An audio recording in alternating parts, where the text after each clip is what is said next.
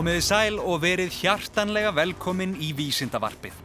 Í dag ætlum við að baka, regndrópa, skoða íslensk skrýmsli og svo ætlum ég að kenna ykkur að búa til ykkar eigin jökul. En við skulum byrja á tilraun.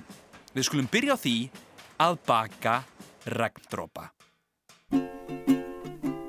Til þess að gera þessa tilraun þá þarf það að hafa aðgang að opni sem þýðir að þú verður, þú verður, verður, verður að hafa einhvert fullorðin með í ráðum og auðvitað að eiga opn einhver staðar. Það sem þú þart er þetta. 500 grömm kveiti. Opn, opn skuffu, opn hanska, bökunarplötu, spaða, rigningu og einhvert fullorðin til aðstóðar. En hvað gerir þú? Hvernig, hvernig óskupunum er hægt að baka regndrópa? Jú, þú byrjar á því að kveikja á opninum og stillan á 180 gráður á Celsius. Svo dreifuru kveitinu yfir opnskúfuna. Það þarf að vera um 2-3 cm þygt. Svo skaltu líti út um gluggan. Er regning? Ef það er ekki regning, þá skaltu gera eitthvað allt annað en þessa tilraund eins og til dæmis að læra steppdans eða veltaði fyrir þér hvers vegna í óskóbónum allir svartir sokkar eru ekki eins á litin. Það er algjörlega fáralegt. Ef það er hins vegar helli rigning úti, þá skaltu klæða þig vel og hlaupa út með opnskúfuna. Haltu kveiti lagðri opnskúfunni fyrir ofan höfuðið á þér og nota þann eins og reglíf. Þannig sapnaru regndrópunum í hana. Passaði þið samt að sapna ekki of mörgum, þá verður þetta allt saman bara sull. Byrjaðu á því að halda plötunni í svona 10 sekundur og aðtúðu svo hvort þú hafi sapnað nógu mörgum drópum. Ef ekki, þá skaltu prófa að halda örlítið lengur. Það er fínt að ná kannski svona 10 til 20 drópum. Farðu svo aftur inn með opskúfuna og notaðu spaðan til að veiða kveiti húðuðu regndrópana úr opskúfunni. Kondu þeim fyrir á bökunarplötunni og sett þá inn í opnin. Þar eiga þeir svo að vera, þar til þeir eru ornir harðir. En hvað gerist? Jú, þegar þú tekur plötuna aftur út úr opninum, ertu með lítinn haug af bökuðum regndrópum. En hvers vegna? Það mætti raun kalla þetta regndrópa módel. Hver drópi sem fjall úr skíónum og ofan í kveitið í opskúfunni bleitti svo lítið kveiti og bjóð þannig til pínu lítil blöyt kveiti klessum mót af drópanum. Við hitan í opninum þá gufaði regndrópin upp og hart mótið varð eftir. Passaði samt þegar þú kemur við bökuðu drópana, þeir geta verið heitir. Mundu líka að slökkva á opninum og einu sinni enn mundu að hafa ekkert fullorðin með þér. Að lokum er hér svo ein samanburðar tilraun. Í staðis að baka kveitidrópana, prófaðu að frista þá. Og hvað með snjókorn? Virkar þetta á snjókorn? Og talandi um regndrópa. Vissu því að ef þið sjáðu regnboga einhver staðar á sveimi, þá spila regndrópar stort hlutverki því að mynda þá. En byttu nú við, hvernig í óskopunum getur það verið? Við skulum kíkja á vísendavefin og finna svarið. Þar segir Regnboga sjáum við þegar staðbundið, skúraveður og sólskinn fara saman og þá oftast þegar við erum sjálf á uppstittu svæði. Ef skúraveðrið skila sér ekki, getum við gengið að regnbóanum vísum í fossúða í sólskinni. Þegar við horfum á regnbóan, höfum við sólina í bakið. Ljósgeisli sem fer úr einu efni í annað breytir almennt um stefnu og brotnar. Stefnubreitingin stjórnast af efnis eiginleika sem kallaður er ljósbrots stöðull. Hann er breytilegur með öldulengd ljósins, það er að segja lit. Þetta gefur regnbóganum litaskiptinguna. Þegar sólargisli fer inn í vastrópa breytir hann um stefnu. Hann speiklast í drópanum og fer aftur út úr honum og brotnar þá aftur. Þannig breytir hann tvísvar um stefnu. Það fer svo eftir því hvernig hann brotnar hvaða litur kemur fram. Sem sagt, ljósið í regndrópunum brotnar og við fáum regnboga. Ég var búinn að lofa því að ætla að segja ykkur frá íslenskum skrimslum. En fyrst, þá verð ég eiginlega að segja ykkur frá alveg reynd stórkostlegu heimsmeti sem ég rakst á um daginn. Þetta er skellja heimsmet. Við skulum fá smá sjó, takk. Þetta er heimsmetið fyrir stærstu mósækmynd úr skelljum. Og mósækmyndir Þær virðast ekki vera af neinu sérstöku þegar maður er nálagt þeim en um leið og maður bakkar örlítið þá sér maður hvernig þúsundir lítilla búta mynda nákvæma mynd. Það er ótrúlegt. Það var lauruglan í Dubai sem bjó skelljamyndina til en hún er af stóru skjaldamerki þar sem meðal annars má sjá skip á siglingu. Myndin var næstum 14 metra laung og 13 metra breið. 130 manns eittu 45 dögum í að búa hana til. Það er svakalega langur tími og notuðu til þess og haldið ykkur nú fast 59.835 skelljar. Takk fyrir kjærlega. Mér fannst þetta svo merkilegt, ég bara varða að koma þessu frá mér. Jæja, og nú, skrýmsli. Ég hef oft talað um þjóðsögur og verur þeim tengdar og við hér á Íslandi erum svo einstaklega heppin að því við eigum svo margar skemmtilegar og spennandi sögur af íslenskum skrýmslum. Það er samt eitt staður á landinu þar sem þau virðast vera sérstaklega algeng. Langanesið. Langanes skagar næstum því 40 km út í hafið og endar í lítilli krútulegri tá, ef við getum orðað þannig, sem heitir Fontur. Þá má til gaman sketa að við erum ekki eina landið í heiminum sem er með einhvers konar landfræðilegan skófatnað, eins og fontur sem er eins og tá.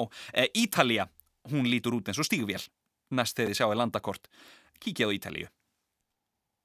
Upplagt er að heimsækja Þórshöfn á leiðsinni um nesið. Þar er eina kúffisk verksmiða landsins og hvítir skellja stígar sem hægt er að ganga eftir. Ef þú ferðast um langanissið er ekki ólíklegt að þú munir rekast á eyðibíli. Eyðibíli eru bóndabægir þar sem fólk bjó einu sinni en standa nú auðir. Það er oft pínu draugalegt að sjá gömul yfirgefin hús en þú hefur ekkert að óttast. Um, reyndar er eyðibíli á langanesi sem heitir því óhugulega ennum leið spennandi nafni Hrodlaugstaðir en við látum það ekkert á okkur fá. Jæja, nóg komið að landafræði. Hvar eru skrýmslinn? Hér eru nokkrar sögur af skrýmslum á Íslandi. Þjóðsagan um Guðmundarlón. Bærin Siðralón stóð áður þar sem fossárvellir eru nú. Tröll bjó í fossinum í fossá og einn daginn ákvað það að ræna heimasætunni á fossárvöllum sem er að sjálfsögðu argasti dónaskapur. Fadir stúlkunar let þess vegna flytja bæin að Siðralóni og hétt á Guðmund biskup hinn góða að vernda bæin gegn tröllinu og öllum vættum. Eftir það varð ekkert vart við tröllið og bóndin var svo ánæður að hann nefndi bæin Guðmundarlón.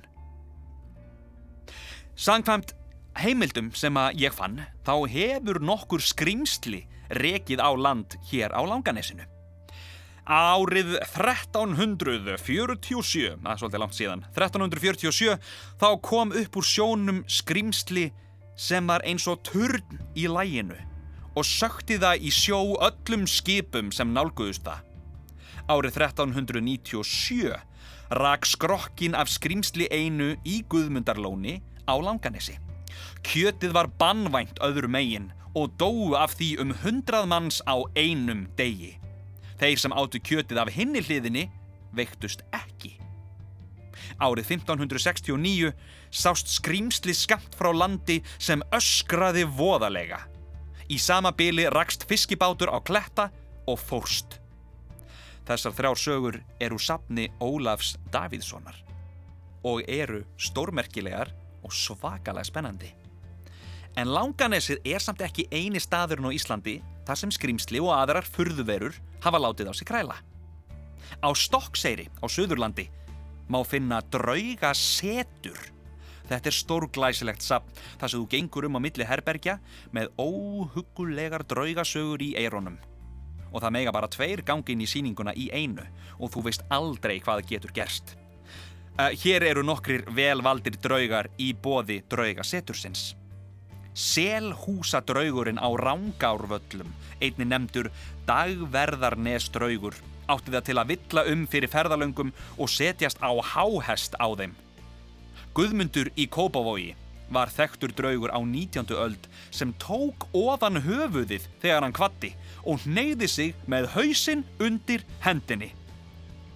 Kolbeins kussa var kú sem skútustada-bóndi drap og vakti upp með göldrum. Og Staffells manga var afturganga konu sem druknaði niður um ís á langavatni í fellum. Fyrir þá sem vilja vita meir um draugasetrið þá mæli ég með vefsíðu setursins draugasetrið.is. Á Bíldudal má hins vegar finna skrýmslasetur sem er alveg jafn spennandi og það hljómar. Fjölmargar skrýmslasögur eru til um Arnarfjörðin og fólkið sem stopnaði sapnið ólst upp við þær. Hafðu því augun opinn og farðu varlega ef þú ætlar að heimsækja Bíldudal en þú getur lesið þér til um skrýmslasapnið á vefsíðunni skrimsli.is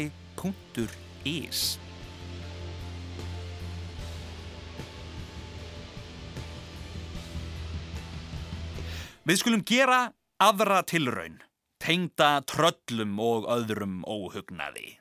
Hún heitir Trillt Trölla Lúka. Það eru til ímsar þjóðsugur af tröllum á Íslandi og í þessari tilraun þá ætlum við að aðtuga hvort að við getum búið til okkar eigin trölla lúku. Það sem þú þart. Aðstóðarmann eða konu. Kvítan eh, latexhanska. Þú þart eitt fjörða botla af matarsóta. Þú þart halvan botla af etiki. Þú þart mjúka penna eða túsliti í alls konar litum. Og þá getum við byrjað. En hvað átt að gera?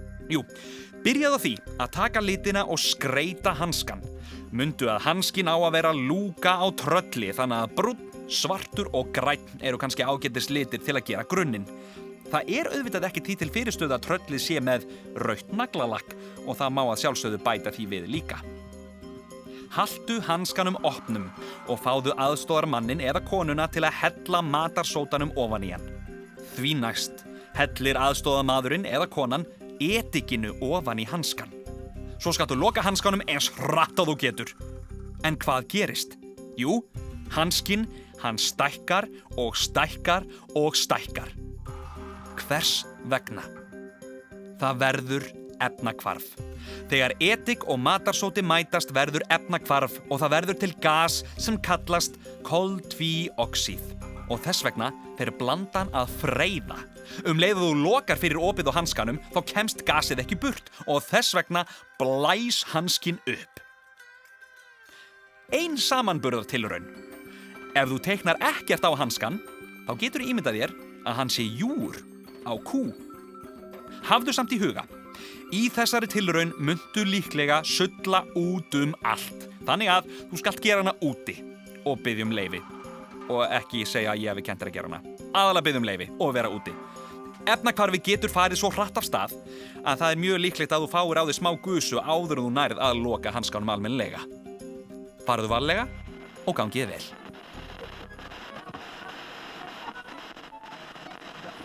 En mér langar til að vita meira um tröll. Hvers vegna verða þau til dæmis að steini þegar sólinn skín á þau? Eru þau kannski eins og ég, kannski bara fáránlega föl og eiga hættulega auðvelt með að brenna í sólbaði, þótt þau beri á sig vörd númer 50? Ég heimsótti vísindavefin aftur til að finna svar. Þar segir Tröll eru ekki til í raun og veru. Þau tilhera ekki náttúrunni eins og fugglar eða fiskar og þess vegna er ekki hægt að fjalla um ummyndun þeirra í stein með því að útskýra einhver líffræðileg ferli í líkama þeirra. Á sama hátt og til dæmis hefur verið fjallað um umbreytingu plantna á koldfísýringi í súrefni eða það hvernig rökkálar myndar afstuð. Umbreyting tröllana er þess vegna mannana verk og einfaldasta svarið við spurningunni er þetta.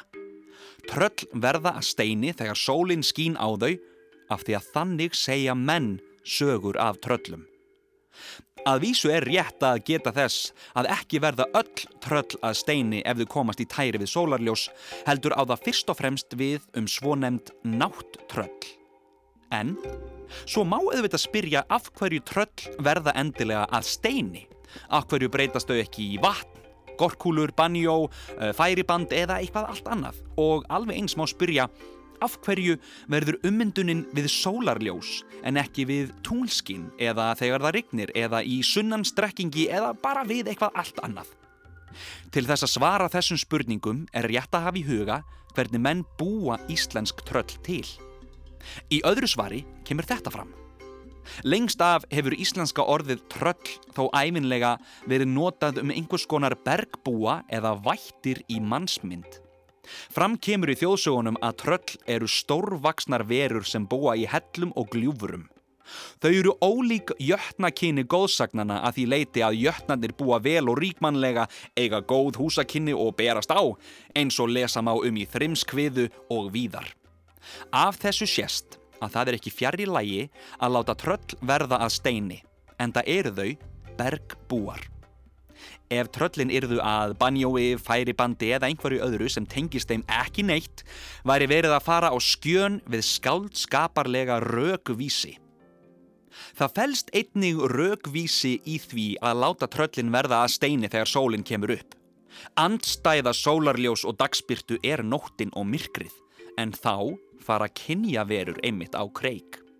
Þegar hinn upplýsta og bjarta verul tekur aftur völdin er eðlilegt að myrkraöflin láti undan síga.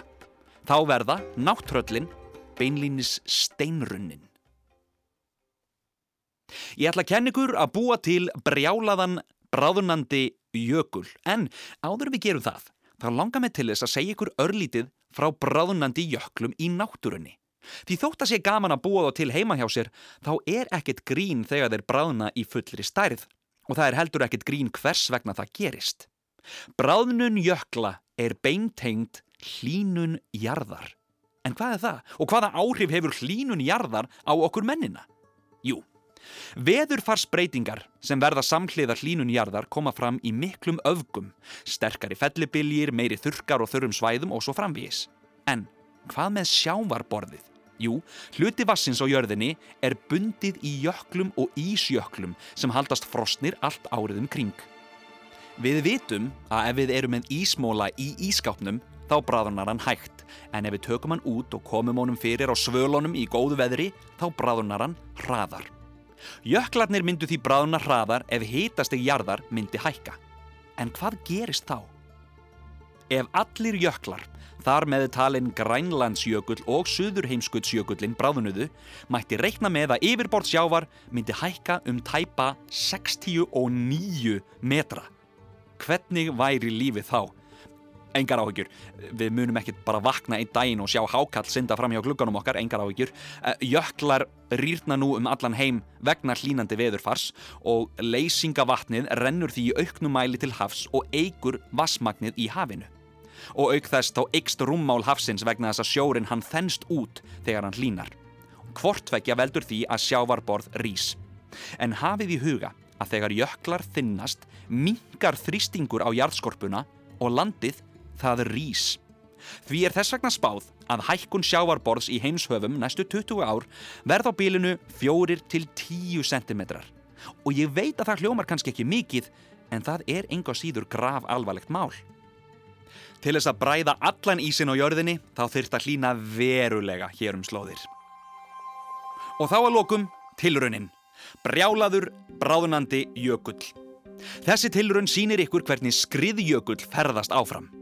Það sem þú þart, stóran plastbotla eða skýrdollu, vatn, sand, möl, meðalbreiða spýtu og stól eða stóran stein, fristi og svo þartu þólinnmæði. Hvað geriru? Byrjaðu því að setja um 30 cm þygt lag af sandi og möl í ílátið. Ofan á mölina skaltu hella um 6 cm af vatni. Settu svo botlan í fristin.